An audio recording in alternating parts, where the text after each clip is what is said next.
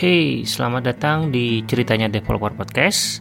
Saya Riza dan di podcast ini kita akan mendengarkan cerita dari developer, programmer, software engineer keren tentang masa lalu, masa kini dan masa depan mereka. Tentang bagaimana mereka memulai karir sebagai developer. Kita juga akan mengorek-korek cerita tentang komputer pertama mereka, pengalaman coding pertama hingga pekerjaan pertama mereka sebagai developer.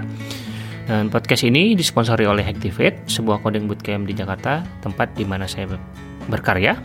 Terima kasih banyak Activate karena sudah memberikan keleluasaan waktu, tempat, dan beberapa device yang bisa saya pinjam untuk keperluan podcast ini.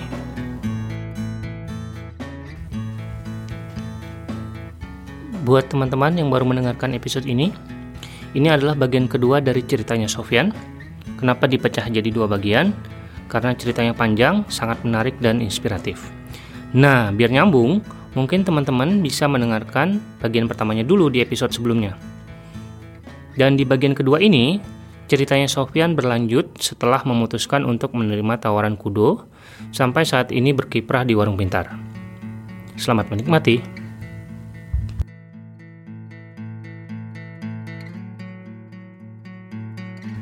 Nah itu di Kudo perjalanan gue lumayan menarik sih. Jadi kayak uh, title-nya kan teknologi evangelis ya. Evangelis. Nah, teknologi evangelis itu ceritanya lumayan lucu sih. Jadi kayak gue interview sama Albert, Albert Hmm, CEO-nya CEO-nya. Kudo. Dulu dia sempat kerja di Apple, jadi dia ngerti lah teknis juga gitu. Dan sempat uh, kuliah di computer science juga kan. Nah habis itu gue di interview sama beberapa lead engineer-nya dia juga. Uh, waktu itu beda-beda lah ada back end ada orang front end ada orang infra. Nah, waktu ngobrol kayak nyambung semua gitu. Ya makanya bingung nentuin title-nya dan sebenarnya waktu itu gue bilang gue pengen ngolah data. Hmm. ya jadi gue bilang kayak mungkin gue udah jenuh juga ya maksudnya kayak software engineer mulu kan. Ngoding ngoding ngoding ngoding. Eh, waktu itu bilang gue pengen jadi orang data. Padahal data itu belum hype di 2015 kan ya Dan lu nggak punya waktu itu belum punya background data juga? Apa udah ya waktu di Holcim ya di Holcim? Eh, di Holcim sebenarnya market analis yang kerjaan gue jadi nganalisa pasar terus gue waktu ini juga kayaknya eh, jadi waktu hackathon itu waktu itu gue bikin prediction sih Hmm. kan kita bikin aplikasi namanya soccer ticker kan Oke. kayak live score gitu Hmm.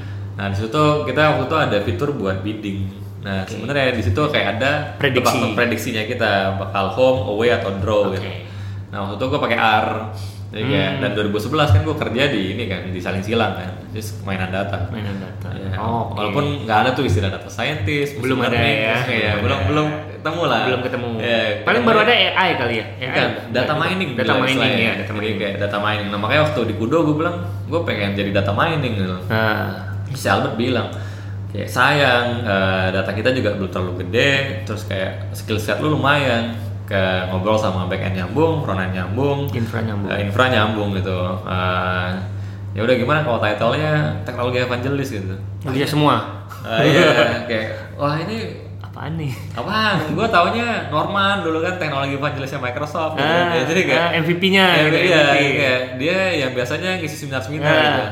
Ini tapi kayak ternyata beda gitu. Gue Hmm. teknologi evangelis tuh kayak eh, kayak ya udah ngapain aja lah gitu. R&D gitu, model gitu. Jadi kayak sekarang itu kalau gue lihat di beberapa company jadi kayak principal engineer. principal engineer. Ya kan kalau lihat kayak di tiket kemarin ada kan. Tuh, Jakarta JS Meetup kan ada principal engineer. Principal engineer. Ya jadi kayak kayak kurang lebih tugas gue kayak gitu. Dan hari kayak hal pertama yang gue dapat masalah itu waktu itu apa ya? uh, kudo down, Oke. kudo down. Terus kayak uh, apa? uh, ya diinvestigasi lah. Oh ternyata masalahnya di, di database. Nah ini menarik juga sih. Uh, kan biasanya kan kita mikirin performance itu ada di, Di aplikasi. aplikasi. kan. Ya, nah kadang-kadang ternyata oh bottleneck itu ada di uh, di database juga gitu. Uh, nah dulu Kudo masih pakai multi master kan. Nah waktu itu kayak gue nanya banyak orang juga sih. Oke. Salah satunya yang sering gue tanya dulu si si Michael, si Michael tuh dulu uh, kayak head of DevOps-nya Traveloka. Oke. Nah kebetulan gue ketemu juga waktu di Hackathon Merdeka. Hmm. Jadi kayak Hackathon Merdeka nih ini banyak berkahnya gitu. Banyak berkah. Ya, gue ketemu banyak orang-orang hebat, Ainun Najim gitu Hmm. kan. Ya, jadi kayak orang-orang keren lah di sana. Nah, Uh, terus kayak nanya-nanya konsultasi kayak oh bagusnya pakai ini aja master slave ya udah gue cobain master slave dan segala macam terus gue bilang lagi ke, ke timnya waktu itu kayak wah ini kayaknya kita pindah deh uh, migrasi ke ke master slave. Karena kayak kan uh, ini kan yang yang biasanya yang banyak itu kan read-nya kan. Nah read-nya terus yang insertnya kan dikit kan. Iya. Apalagi kayak e-commerce kan orang searching lihat gitu kan. Jadi lebih banyak uh, ke search-nya sebenarnya. Nah dari situ bisa lah kayak ada satu uh, satu master ada kayak beberapa, beberapa slave. Nah uh, challenge-nya waktu itu kayak wah ini gimana? Engineer-nya kan nggak mungkin eh, ini kan bikin dua driver gitu kan nah dulu kayak nyobain ada dulu MySQL proxy Hmm. jadi kayak dia yang bisa tahu eh, itu tuh eh, DML atau DDL gitu loh. Jadi kayak oh ini tuh eh, insert, select atau apa gitu. Iya. Nah jadi ntar kalau kayak select dia bakal Dia masuk arahin mana? ke server yang mana. Oke. Terus kalau apa insert, update, eh, delete dia bakal ke masternya. Oke. Jadi si proxy inilah yang yang kerjain. Tapi kayak dulu tuh nggak yakin ini bisa nggak kalau concurrentnya gede gitu ya. Akhirnya kayak ya itu kan solusi sementara. Terus eh, meanwhile kayak ya memang beneran dibikin dua dua driver ya satu ke master satu ke slave. Slave. Nah itu itu masalah eh, beberapa pengalaman menarik lah. Kayak gue beberapa kali tuh nginep di kantor di Kudo. Nah kita ketemu beberapa masalah gitu. Ya, terus kayak di situ juga eh, mulai kenal lagi ada yang namanya caching, ada yang namanya eh, queuing, gitu. Uh, padahal sebelumnya gue ini waktu di waktu Crackers tuh kita sempat kayak uh, pakai RabbitMQ dan segala macam kan. Uh, terus kayak waktu di Crackers gue gue juga nyobain yang namanya Erlang gitu, OTP kan, jadi kayak uh, concurrent kan. Setelah itu gue dengar terus, cuma kayak gue nggak tahu implementasinya di mana gitu kan. Semakin banyak kita latihan, semakin banyak kita ketemu masalah, itu kayak itu semakin memperkaya diri juga gitu kan. Nah makanya gue seneng nih kalau di startup-startup kecil biasanya masalahnya banyak banget. Ya. Sebelum itu ini menurut gue apa ya hal yang menarik sih yang menurut gue harus dilakukan semua orang. Jadi kayak sampai sekarang tuh gue banyak banget nemuin orang kayak uh, job desk gue apa ya gitu. Uh, nah gue kan or, salah satu orang yang nggak pernah pusing sama job desk sih sebenarnya kayak ya udah gue kerjaan aja yang menurut gue benar. Nah waktu itu Nah, gue pengen cari masalah kan, jadi kerjaan gue emang cari masalah. Cari masalah. Nah, ini ada masalah apa lagi gitu ya. Nah, gue terjun ke lapangan, Oke. gue terjun ke lapangan, gue ketemu sama agentnya kan, Kudo kan auto kan, Iya. nah, online to offline. Banyak agent ya. Iya, dia ada agent. Nah dari situ kayak gue langsung ke agentnya, gue lihat kayak, oh komunikasi susah. Gue catat tuh, masih ada di catatan gue, komunikasi susah. Terus yang kedua kayak, oh ternyata device mereka tuh bukan high end uh, handphone Device, gitu. iya. Terus ternyata itu kayak low end kan yang Hmm. biasa aja. Terus kayak loading lama, gambarnya di dot lama. Oke, oh dua hal ini yang akhirnya gue catat. Gue catat, gue balik. gue nyoba nyari beberapa solusi dulu. Karena sekarang tuh kebanyakan orang bawa masalah aja, Bawa nggak bawa masalah. solusi gitu. Ya. Ya semua orang juga bawa masalah bisa gitu kan. Ya ini menurut gue lebih ke kayak eh, pola pikir gitu ya. Nah jadi waktu gue ketemu masalahnya, gue udah nyari kayak gimana cara solvingnya. Nah gue ceritain ke Albert. Eh, gue bilang Bert, ini tadi gue jalan ke sama field officer ketemu beberapa mitra, gue temuin ada dua masalah. Masalah pertama tentang eh, komunikasi, masalah kedua tentang eh, Loading lama. loading lama, Eh, karena iya di device yang ini low ya. end, Low end. Jadi uh, untuk masalah yang pertama gue bilang harusnya kita itu punya uh, chat, Chat uh, app. chat di dalam app-nya kita. Chat app. Ya terus kayak ya udah lu bikin aja katanya. Bisa kan bikinnya? Bisa. Oh ya. Gue kasih waktu ya dua bulan lah katanya. Oke. Wah dari situ kayak kan kalau bisa dikonekin ke tiket system. Ticketing system. Ya mulailah kayak nyari. Oh ada Zopim, ada live chat in segala macam gitu kan. Oh ini agak susah integrasinya. Kenapa kita bikin sendiri aja? Hmm. akhirnya kayak itu gue kerja bareng kayak bukan kerja bareng sih ya kayak bersama ada dua orang lagi satu yang kerjaan backendnya satu yang di front di front endnya which is kita pakai Android native kan Hmm. nah yang kita pakai adalah waktu itu balik lagi kayak kemampuan awal gue gitu ya nyari yang udah jadi gitu ya wah ada yang namanya web IM Hmm. T- tapi dibalik jadi Mibu namanya Mibu. Mibu kalau dibaca web IM kan web in- instant messaging nah jadi itu tuh kayak buat dashboard di CS gitu loh bro Oke. Eh, dia bisa baca Ah. nah masalahnya dia pakai long polling Hmm. eh, dan pakai PHP kan PHP. nah yang seru tuh kalau kita bisa bikin pakai WebSocket kan Ya. jadi lu nggak perlu ngatur segala macam kan dan nggak nggak draining baterai kan akhirnya kayak oh dari Android bisa nih kalau WebSocket kita akalin tuh kita akalin dengan eh, apa namanya eh, kita bikin service yang ngebaca database. I see. Eh, jadi kalau ada eh, message masuk, Mhm. eh, nanti kita bakal update ke Di depan, push. di push. Di push. Ya, itu jadi kayak bolak-baliknya tuh pakai itu gitu loh. Hmm. Eh, si web dashboardnya sendiri buat yang si CS-nya itu tetap pakai Lempoli kan itu kan laptop kan. Iya. Nah, yang buat si Android ya kita bikin pakai WebSocket. Oke. Ya, ini kayak akal-akalan jadi dan kita deploy. Oh, bisa ternyata cepet Hmm. kan ya. Kayaknya sekarang udah mungkin pakai stack yang lebih benar lah. Ya, ya. Ya, kayaknya gue spesialis yang ngoprek-ngoprek aja. gitu. Nah, yang kedua kan tadi gue bawa tentang masalah performance kan. Eh, low end Ya, device. nah tapi kayak gue bukan kayak oh ini gara-gara coding Androidnya enggak kayak gue coba lihat-lihat lagi kayak kayak eh, setelah gue lihat wah mungkin kayak masalah terbesarnya adalah di image sebenarnya jadi bukan lola gara-gara aplikasinya yang lemot Atau tapi database atau eh, iya lebih ke, ke paket data sama eh, cara Image-nya. dia downloadnya image-nya gitu kan nah gue belajar-belajar segala macam ketemulah dengan oh ternyata kita bisa bikin ini apa namanya kayak eh, compression gitu loh Hmm. ada yang namanya loss eh, image Lossless. ya lossless image segala macam dan setelah itu tuh ada satu hal lagi kayak gue realize bahwa orang-orang yang upload ke e-commerce itu kan gede-gede kan Hmm. gue foto terus langsung gue upload kan itu Iya. kan kayak satu mega 2 mega terus resolusinya bisa 10 uh, 10 megapiksel. ya jadi kayak nah dari situ kayaknya wah ini nggak nggak nggak nggak cocok nih sama device yang ada. Orang kadang-kadang si iPhone aja zaman dulu masih 240 berapa uh, 480 kan si si ininya kan si, Si- ya, resolusinya kan. resolusinya. yang apa yang harus pakai yang 1080 gitu kan. Nah akhirnya muncullah ide buat uh, bikin uh, image resizing on the fly Oke. Ya, nah on the fly itu dulu gue nyobain pakai ini uh, Engine X. Engine X. Nah, tapi Engine X-nya gue pakai OpenResty. Oke. Nah, OpenResty itu jadi kayak kayak Engine X, eh bukan emang Engine X, nih. OpenResty itu lo bisa bikin modul tapi pakai luar. Pakai luar. Ya. Iya, iya, iya. Nah, jadi ketemulah gue dengan bahasa lain lagi Iya. kan. Wah, wah luar, wah menarik juga. Ya, gue bikin di luar. Jadi kayak, uh, jadi simply kayak uh, sebenarnya misalnya ada low end device, low end device. Nah di low end device dia tuh tambahin ujungnya aja, uh, widthnya mau berapa gitu loh. Oke. Nah dia bakal auto uh, nge-resize, habis itu di case. Di case. Ya ya udah nggak usah lagi. Uh, kalau ada yang akses lagi ya udah langsung aja.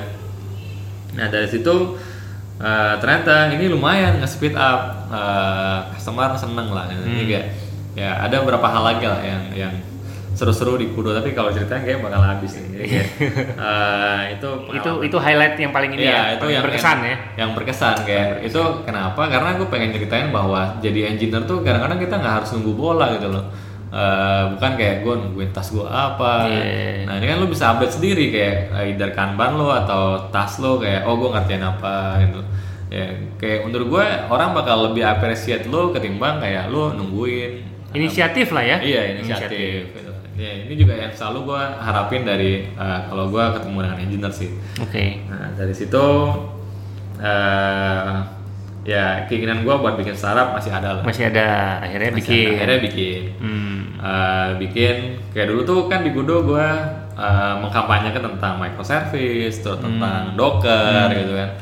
Dan eh, dulu agak susah lah. Implementasinya agak Implementasi susah. Terus Golang itu kan hal-hal yang yang hype di 2016 lah ya Ya. ya terus kayak eh, akhirnya kayak gue bikin startup sendiri nah semua stack yang gue pingin Bisa. bebas bisa gue bikin Oke. jadi kayak kita pakai docker terus karena fintech kan harus di ini ya kayak server harus di Indonesia gitu kan Nah. jadi kita nggak bisa tuh pakai eh, AWS, segala di macam Ocean gitu ya. terus kan nggak bisa auto scaling segala Hmm. macam sedih kan Sedih. ya akhirnya kayak eh, oh kita nyobain eh, docker swarm Docker Docker Swarm. Swarm, terus kita nyobain CI/CD pakai Jenkins, di connect ke Bitbucket, Hmm. terus eh, buat front end kita pakai React. Gue coba explore lagi tentang data, ya jadi kayak dari pertama eh, kita bikin BI dashboard, terus kita bikin eh, data semi data warehouse lah kita kumpulin Hmm. datanya, eh, biar matriksnya kelihatan kan. Nah sebenarnya ini eh, tempat gue bermain-main lah si pinjam ini. Pinjam. Ya, jadi kayak kita bikin banyak hal. Kita mulai cobain Golang, terus Golang. uh, pakai API gateway kita pakai Hmm. Kong, ya, terus kayak uh, Kongnya dibikin otomatis juga, uh, terus ada si load balancernya dari si Swarm. Nah yang menarik waktu itu kita ketemu beberapa masalah lah. Nah kan gue orang yang super idealis bahwa gue nggak suka responsif website. Oke. Ya, jadi kayak Harus gua- mobile sendiri harus gitu. mobile sendiri, Oh, eh, desktop sendiri. Ya. Kayak gue suka berantem aja lah, kayak gue pengennya kayak gini. Ya, kenapa? Karena kayak menurut gue yang namanya respons eh, responsif itu tuh kayak semuanya ada di situ kan. Padahal kadang-kadang nggak kepake kan. Yep.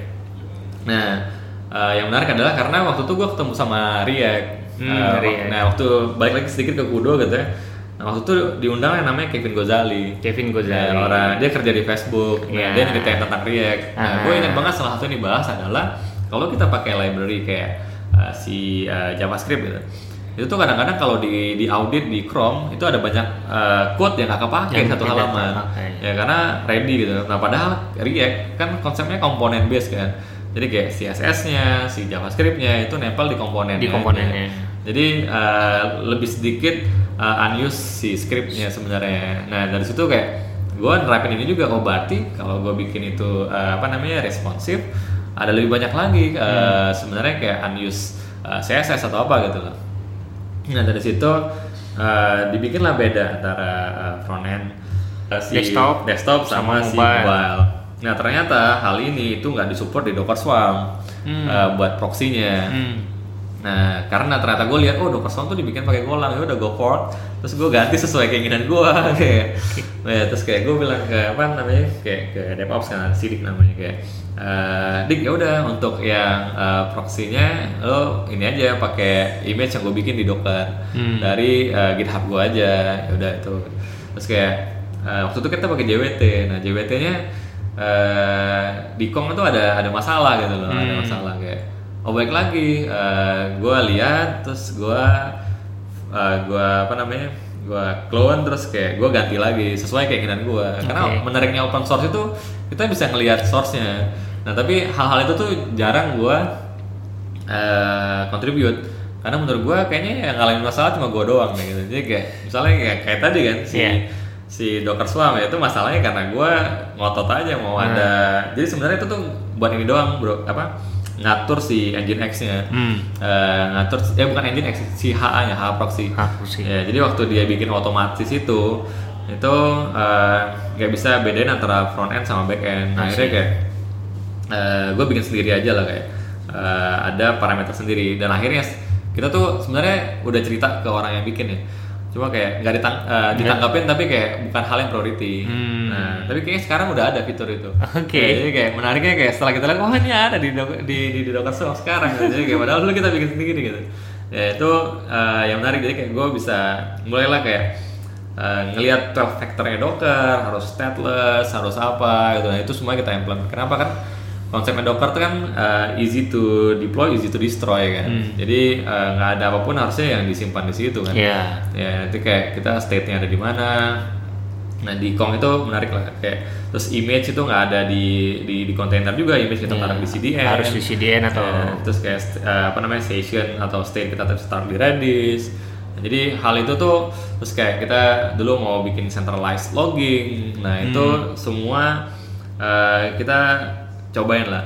Sampai Oke. dulu kita taruh eh, MariaDB kita Hmm. itu kita mau taruh di kontainer juga. Oke. Nah, jadi kayak oh itu semua udah ada bro. Jadi kayak menarik banget. Nah kita itu pindah-pindah eh, server. Hmm. Ya, awalnya di uh, soft layer, terus kredit di soft layer habis ke Habis AWS, pindah AWS. dari AWS habis terus kita pindah ke cloud lokal. Oke. ya kebetulan waktu itu cloud lokalnya ini dan kita pakai si ini kan uh, OpenStack kan, jadi kayak dan semuanya ya udah enaknya Docker itu ya udah kita tinggal pindah-pindahin aja, Hmm. ya nggak perlu uh, ketergantungan. gitu. Ketergantungan kepada satu provider Ya, ya. jadi hal-hal itu lah kayak eh, apa ya? ya inilah yang menurut gua ketika lu terjun ke eh, startup kecil kayak makin banyak masalah Makin banyak, dan iya, iya. seru. Seru. Nah serunya menurut gua kenapa? Karena kan di beberapa startup besar jarang banget bisa nerapin si cutting edge teknologi kan. Iya. Eh, ini menurut gua karena kadang-kadang eh, code base yang dia bikin tuh udah gede. Tidak terlalu besar. Eh, dan resiko banget kalau mau pindah Hmm. eh, ke hal baru. Eh, jadi eh, ya gue nggak tahu lah. Misalnya kayak, kayak kemarin Airbnb nggak mau pakai React gitu. Mungkin karena udah terlalu gede aja gitu kan. Jadi Iya. kayak eh, React Native gitu kan. ya mungkin kayak kita yang kecil ya eh, Kenapa enggak, kenapa gitu? enggak gitu kan ya, siapa tahu either kita bisa berkontribusi tadi kan karena kita menemui banyak masalah atau emang lebih match sama style kita gitu jadi kayak eh, eh, itu yang gue seneng di startup kecil sih Eh, kita nyobain banyak hal seru banget nah gue sedikit cerita nih kayak eh, beberapa keseruan lainnya gitu ya kayak mungkin ada yang pernah dengar namanya Firdaus gitu nah, Firdaus waktu datang ke pinjam dia orang Angular Orang Angular. Kayak kita berdebat tentang antara React dan Angular. Oke. gue idealis dengan ini kan kayak, wah gue pakai React karena gue ketemu si Kevin kan jadi kayak, padahal si Kevin tuh bilang ya ini gue bukan gara-gara orang Facebook gue ngebela React kayak katanya Iya. kayak menurut gue React emang wah seru banget ya kayak gitu. Mhm. Nah gue bilang berdua wah kayak kita bisa pakai React deh Us." Kayak wah kenapa nggak pakai Angular aja katanya kan. Hmm. Nah, itu bukan apple to apple mau dibandingin. Ya, Iya. jadi React apa namanya si Angular itu itu framework. Ya, React itu itu library. Ya, jadi ini dua hal yang berbeda. Lu tetap bisa pakai Angular tapi view-nya pakai React, React aja, gitu. Ya, jadi kayak ini lebih seru gue bilang. Kita nggak di jadi kayak oh debat panjang akhirnya bikin apa kita si Daus React. Jadi sebenarnya ya kalau mau dilihat tadi kan stacknya banyak kan yang gue ceritain di eh, di pinjam kan. Padahal semua orang itu nyobain itu pada saat itu. Hmm, semua first time. Semua first, timer. Uh, Jadi nggak ada yang bisa golang, nggak ada yang bisa React, nggak ada yang bisa React, GraphQL semuanya. ada GraphQL, nggak ada yang eh, tadi juga Docker Swarm nggak ada, juga, nah. terus nggak ada yang pernah ngoperasin Sikong juga, Sikong. kayak AWS apa lagi gitu. Jadi kayak eh, jadi anak-anaknya emang menurut gua, eh, nah waktu itu serunya kayak kita beli-beli buku sih. Dibeliin Ya, buku sama beli buku. pinjam? Iya, jadi Oke. kayak eh, kayak oh lu kalau mau beli buku request eh, lu harus terapin kasih space buat kayak buat belajar kayak dulu juga kita waktu sebelum dia kayak biasa websitenya. Nah, tapi kayak ketika udah pede dengan React-nya ya udah kita masukin. Oke. Terus kayak sebelum golang ya kita masih pakai PHP juga. Masih pakai. Ya, terus kayak setelah pede baru ya, semuanya tuh eh, semuanya terjadi di eh, ya ya ini seru sih maksud gue ya buat teman-teman yang lain juga ya walaupun apa mungkin gak ada background atau apa gitu ya eh, ya carilah company yang eh, yang culture-nya seperti ini gitu loh Yang bisa apa ya? eh, bisa mengakomodir keinginan untuk ngoprek kita. gitu iya ya. nah, jadi eh, apa biar bisa lebih cepat berkembang ya. Dan eh, karena ada case-nya eh, kita mau going to production jadi kan kita bakal lebih hati-hati dan lebih benar kan. Iya. ya, lebih memilah-milih juga gitu jadi terus kayak ternyata gue tidak bernasib mujur lah di pinjam gitu kan terus keluar. Akhirnya keluar. ya tapi eh, sebelum itu kan eh, apa gue senang dengan data sebenarnya Oke, Nah, emang udah tertarik data ya? ya mulailah hype tentang si data science si data ini. science mulai. Nah, nah gue juga jadi orang yang apa ya ngikutin tren lah tiba-tiba jadi wah data scientist wah Yes. Itu tahun berapa ya? eh, keluar dari pinjam itu? Kalau dari 2016. pinjam 2000 enggak 2017. 17, 2017. Ya 2017 jadi kayak karena gue banyak ngolah data di sana terus kayak eh, ya gue juga eh 2005, eh, 2016 tuh gue ketemu sama Norflux Hmm, Norflux. juga eh, ikutan bermain-main dengan machine learning yang mereka learning. buat computer vision. Mhm. Eh, ya, gue mencoba merubah apa ya? Jadi sebenarnya kerjaan gue dari dulu itu eh, lebih banyak ke personal branding sebenarnya bro. Oke. Ya, jadi menurut gue ya kalian juga orang tech itu harus pinter-pinter personal branding juga gitu. Harus punya branding sendiri Iya, ya. kayak kalau kalian mau nyari gue ya Sofian HW semuanya punya gue dari Instagram, Twitter, Line, Telegram, eh, LinkedIn, wah semuanya. Yang penting klaim aja dulu ya. Iya, klaim aja dulu eh, si Sofian HW gitu. Jadi kayak terus kayak dulu kan gue baca gitu lah kayak oh foto profil lo sama, deskripsi tentang diri Iya. lo sama Iya. gitu. Nah di saat dunia data scientist naik, ya gue juga pengen dikenal sebagai data scientist gitu. Hmm. Ya, ya gue belajar banyak buku lah, banyak literatur lah, terus kayak gue join ke DSI lah, Data Science Indonesia, DSI. brainstorming dengan banyak orang gitu kan. Sampai gue realize sebenarnya, wah diri gue ini bukan data scientist ternyata. Hmm. Ya karena kan eh, ada yang bilang bahwa data scientist itu adalah eh, seorang statistician yang lebih jago coding ketimbang programmer dan seorang programmer yang lebih jago Jago statistik ketimbang statistician ya unicorn jadinya tapi juga ada beberapa orang yang bilang bahwa si data scientist itu irisan antara orang statistik matematika. orang ya Ya. di dalamnya udah ada matematika oh ya, matematika. statistik, terus ada orang programmer, programmer, developer, terus ada bisnis. bisnis. Nah, irisan ketiganya baru bisa dibilang data scientist katanya. Nah, dari situlah gua menganggap diri gua oke, gua bisa ngoding, oke, gua ngerti bisnis karena gua running beberapa startup, tapi kayak ilmu statistiknya ini gua masih cetek. Hmm. Ya, which is gue dapat di teknik industri, gue dapat waktu di Holcim gue ngelakuin kayak eh, apa namanya forecasting dan segala macam. Tapi menurut gue, gue bukan orang yang menguasain banyak teknik statistik gitu loh. Oke. Nah jadi dari situ gue langsung merubah semua title gue jadinya data enthusiast. Hmm. Ya, dan eh, ya gue senang dengan machine learning dan segala macam gitu. Jadi kayak eh, ya mulailah nge-branding dan mencari pekerjaan data waktu itu. Oke. sebenarnya. Jadi kayak ke Traveloka eh, nyari part di data juga terus kayak ke Gojek data juga terus kayak waktu itu pengen ditarik lagi balik ke Kudo Hmm. ya kan di Kudo juga gue terakhir kan interim head of data kan sebenarnya kan Oke. Nah, jadi gue yang bikin stack eh, apa namanya kayak arsitekturnya datanya mau Arsitektur gimana. data mereka. Ya gue nge-hire beberapa data analis, terms data scientist tuh kayak udah gue coba-cobain waktu di Kudo juga sih sebenarnya. Oke. Nah, cuma kayak sem- semakin sekarang gue semakin sadar bahwa gue bukan data scientist gitu. Jadi kerjaan gue biasanya ya nyari paper, terus nerapin papernya. Dan ternyata itu gue tuh nggak bisa dibilang sebagai data scientist gitu loh. Eh, bisa jadi either gue jadi data engineering atau machine learning engineer gitu. Hmm. Karena gue cuma nerapin sesuatu yang udah diteliti sama orang, Oke. bukan gue sendiri yang ngulik.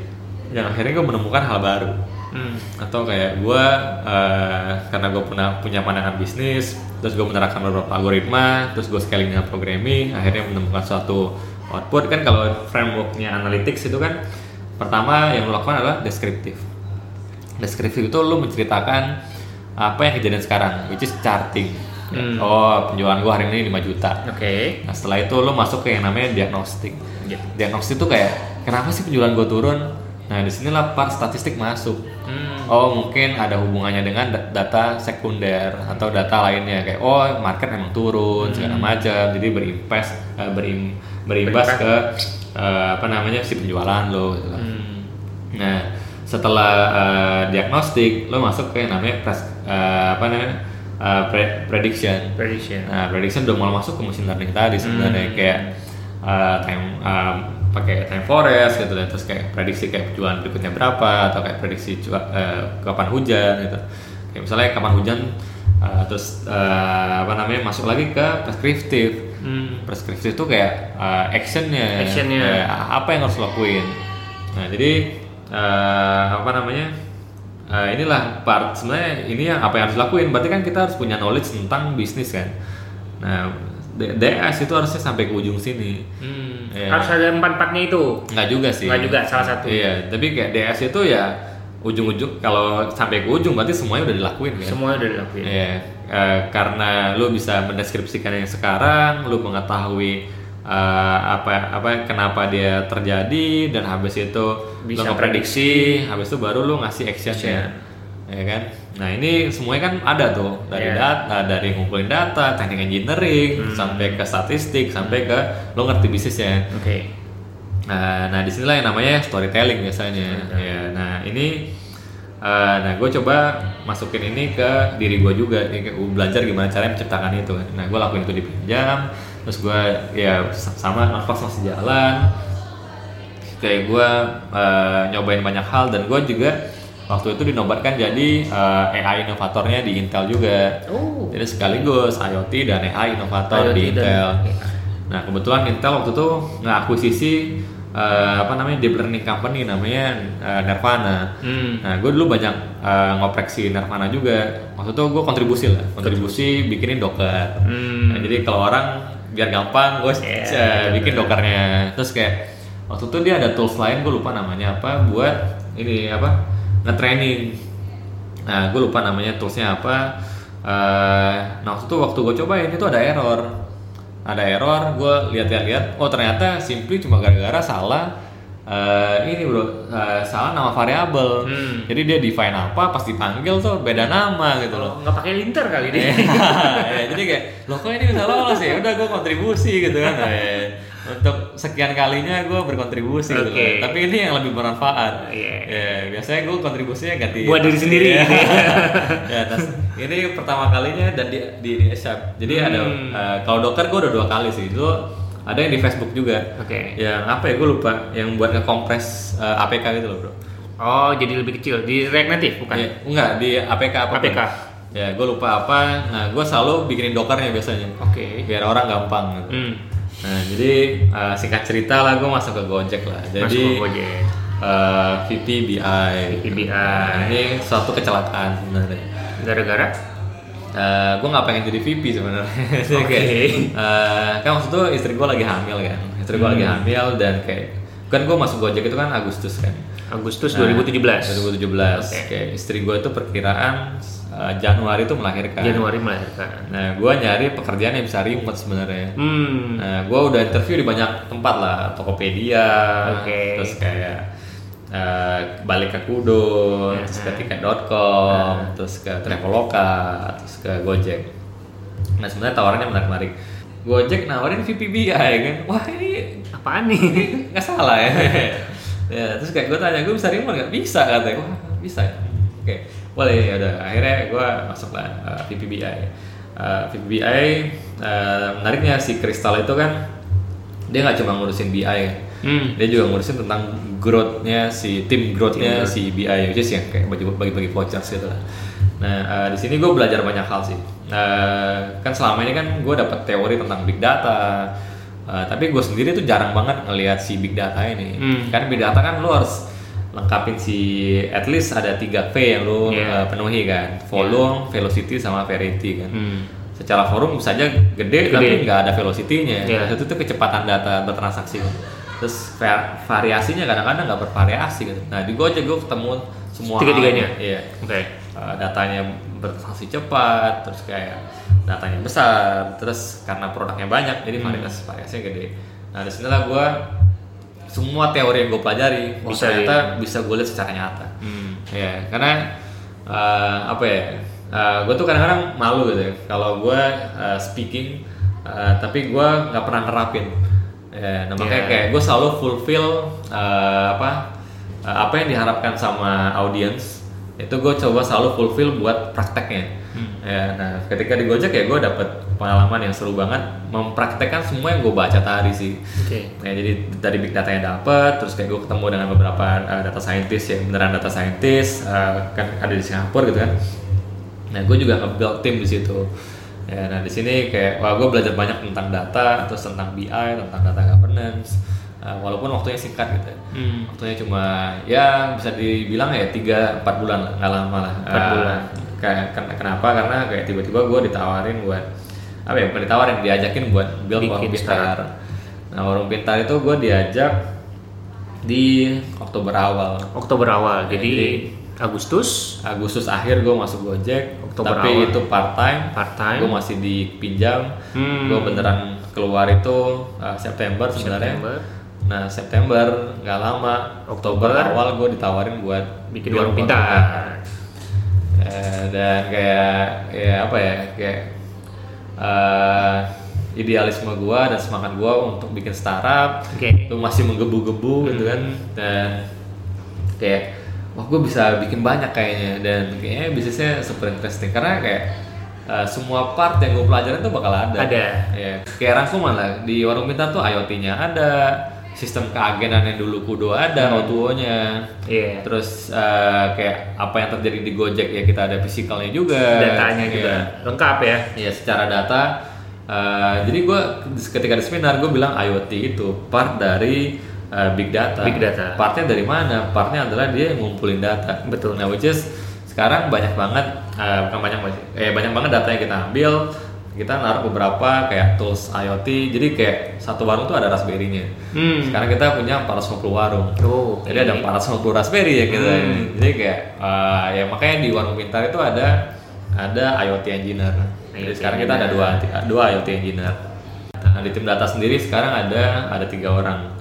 Ada ada empat orang malah. Ada uh, yang kayak BI-nya ngatur data governance dan segala macam terus ngatur data foundation kayak bikin uh, data warehouse terus nanti mau kita mau bikin data mart terus ada data engineer-nya yang bikin ETL Eh, kalau infra kan sekarang zamannya udah nggak butuh ya kayak eh, either kita pakai GCP atau Hmm, AWS itu AWS. udah ada kan tinggal pakai aja Iya. Eh, nah terus eh, kita ada data analisnya dan eh, baru hari ini masuk eh, ada yang dia master statistik Statistik. ya tapi dia master Master. Nah ini gue mau combining orang ini biar bisa menghasilkan output yang lebih seru lagi gitu kan dari bisnisnya kita. Jadi kayak ini beneran kayak rangkuman dari uh, perjalanan kayak dan timnya itu ya orang-orang lamanya kita. Orang-orang yang lama. Jadi kayak uh, ya kan kita sesuai dengan uh, apa ya kayak Pak D Jokowi yang bilang equality kan Hmm. Uh, kesempatan yang sama buat semua gitu. Jadi kayak uh, bilang bahwa masalahnya tuh ada di pendidikan, ada yang bilang masalahnya ada di kesehatan. Hmm. Nah sebenarnya dua masalah yang bisa jadi akarnya adalah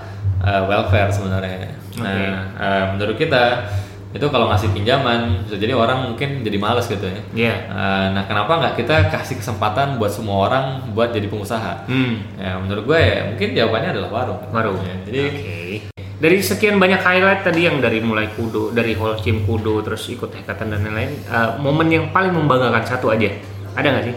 sebenarnya momen yang paling membanggakan menurut gue waktu gue dipinjam sih. Waktu dipinjam. Ya, bukan bukan one moment ya. Jadi kayak Ah. uh, ketika kita dari ketidaktahuan sampai bisa build Sampai bisa sesuatu build dan go into production. Oke. Ya, Itu bangga ya? Ya, ini menurut gua hal yang hal yang mem- super membanggakan. Super membanggakan karena idealisme ya dan Iya. ide bisa jadi kenyataan Iya, gitu ya. Dan anak-anaknya masih ada sampai sekarang. Masih ada sampai Iya, sekarang. Anak-anak yang growing dipinjam tadi sekarang ada di warung pintar semua. Oke. Kalau sebaliknya momen yang memalukan, yang paling memalukan, Momen yang paling memalukan. pernah nggak sih? apa ya bro ya oh ya mungkin ini kali ya Eh, hal yang paling memalukan tuh sebenarnya ada beberapa kayak ketika gue speaking itu kayak gue mau live demo nggak jalan Live demo nggak jalan. Hmm. nah makanya sekarang gue selalu akalin kayak ada videonya atau apa Oke. Ada Gitbrains-nya kan? ya ya ya ya tinggal check out check out gitu ya Oke. So, ya Tadi kita udah sempat bahas ya, mentor di awal-awal karir kan Diki ya. ya Diki. Apa sih hal yang paling eh, Sofyan suka dari sosok ini? Yang paling ya Diki orangnya super fundamental sih fundamental ya, fundamentalnya kuat. Semalam kita ketemu lagi ditanyain kayak lu tahu kan bedanya objek sama kelas buset. ini zaman kapan? Jadi kayak, "Ah, ini kayaknya udah otak gue udah itu udah out of nowhere gitu loh. Kan udah ke mana-mana. Iya. Nah dia tuh berpegang teguh dengan fundamental sih. Fundamental. Ya, dan itu yang makanya kayak ke mana pun gue build company, gue selalu undang dia buat dia untuk- eh, ceritain lagi tentang fundamental ke semua anak-anak gue. Hmm. Oke. Kalau sosok ya selain Diki, sosok developer yang didolakan? Oh ya, eh, sebenarnya gue nggak pernah ketemu sih, tapi Hmm. kayak gue cuma dengar dari beberapa temen sih. Satu eh, Derianto, Heeh. eh, CTO-nya Traveloka. CTO-nya Ya, kayak gue dengar dari orang dan gue sempet cuma ketemu sekali di acaranya Iya Toki. Ah. Ya, menurut gue kayak sesuatu yang dia build eh, di Traveloka kan, eh, menurut secara product wise, kayak yang paling eh, yang paling bagus lah. Paling bagus. Nah, eh, ya jadi it- itu salah satu orang yang gue idolakan juga sih. Oke. Kalau hobi di luar programming ada? Eh, main Dota. Main Dota. Sama baca Ma- buku ya. Sama baca buku. Ma- masih main Dota sekarang masih aktif ya? Eh, semenjak gue jual laptop gue eh, yang Windows gitu, Aha. gue udah jarang main Dota. Jarang. Di Mac nggak enak. Nah makanya kayak eh, bentar lagi gue stop pakai Mac mau pakai Windows. Balik lagi ke Windows. Iya. Oke. nah, eh, kalau teknologi yang akhir-akhir ini lagi apa? Lagi dioprek apa? Ya serverless. Serverless. Ya, nah, menurut gue cocok buat orang-orang yang baru start startupnya, jadi secara cost lebih hemat sih. Oke. Kalau tips dan trik tadi udah banyak banget sebenarnya pelajaran hidup yang eh, di-sharing kan. Hmm. Tapi tips dan trik buat teman-teman supaya bisa jadi developer yang lebih baik. Ya, kalau mau ini sih kayak ya 10.000 jam sih. 10.000 jam Ya. itu itu tetap harus ya, harus itu menurut gua uh, itu kan bukan buat ngoding doang kan, buat semua. buat semua. Iya, jadi uh, nah makanya berarti kan buat 1000 10.000 jam itu ya harus fokus gitu loh. Fokus. Ya, kalau nggak fokus kan bakal ke mana-mana. 10.000 jam ini jadi tersebar ke mana-mana Iya, gitu ya. tersebar ke mana-mana. Jadi 10 kalau mau jadi developer yang lebih baik harus coding selama 10.000 jam. Iya. Nah itu kan uh, ya gua nggak tahu make sense apa enggak. Jadi kayak lebih banyak aja waktunya buat nyobain gitu. Hmm. Ya. Kembali lagi Nah, oprek ya. Ya, atau ya nggak tahu sih. Kalau kayak gua kan, gua apa ya, jadi master of none lah. Master of none. Ya, jadi gue nggak master di satu bidang apa pun. Generalis, generalis. ya. Ya, ternyata ada pekerjaan ya harus jadi generalis. Harus jadi Ya, generalis. jadi ketika lo masuk manajemen level kan itu. Tapi kalau buat eh, jadi coding profesional, ya mungkin cara yang gampang lihat coding orang, Baca codingan orang. baca codingan orang, Hmm. eh, ya baca buku, Baca buku. eh, ngerjain project. Jadi kadang-kadang kalau kita cuma baca doang atau ngeliat codingan orang doang, eh, kita bakal lebih ingat kalau kita kerjain. Kerjain project. Ya, dan paling seru adalah eh, contribute to open source. Contribute to open source. Ngomongin buku, punya rekomendasi buku nggak buat developer?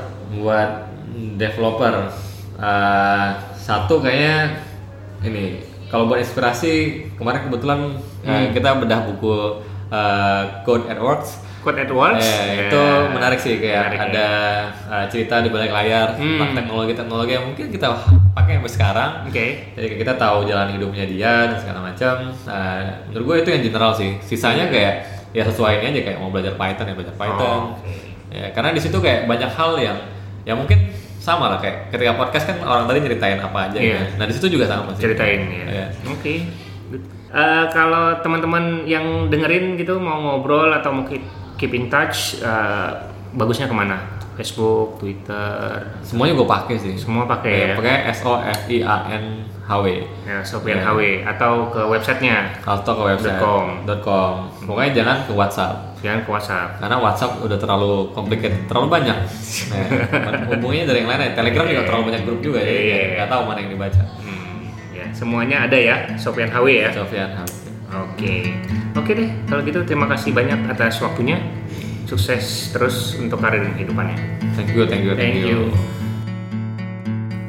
Demikianlah episode ke-8 bersama Sofian Hadiwijaya, CTO dan co-founder Warung Pintar. Dan ini juga merupakan episode terakhir dari sesi pertama ceritanya Developer Podcast.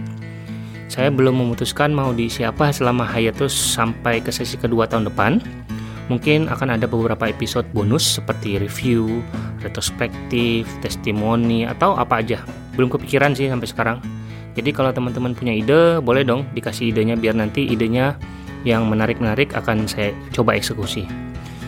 Kritik dan saran atau sekedar hai, silakan dikirimkan ke email rizafahmi@gmail.com atau DM di Twitter @rizafahmi22. Terima kasih atas atensinya selama sesi pertama di tahun 2018. Sampai jumpa di sesi berikutnya dari ceritanya Developer Podcast tahun 2019. Bye. Ionic Iya, Ionic. Ionic kan Angular kan? Angular. Ya, dia bukan fanboynya sih. bukan fanboynya tapi dia Iya. pengguna dulu. Oke. Tapi yang seru ya dia mempertanyakan ke gua gitu, kenapa lu mau pakai React gitu? dibandingkan Angular. Iya, jadi nah di situ gua ngeliat kayak wah anak ini bisa berkembang. Oh, gara-gara itu ya. Ya,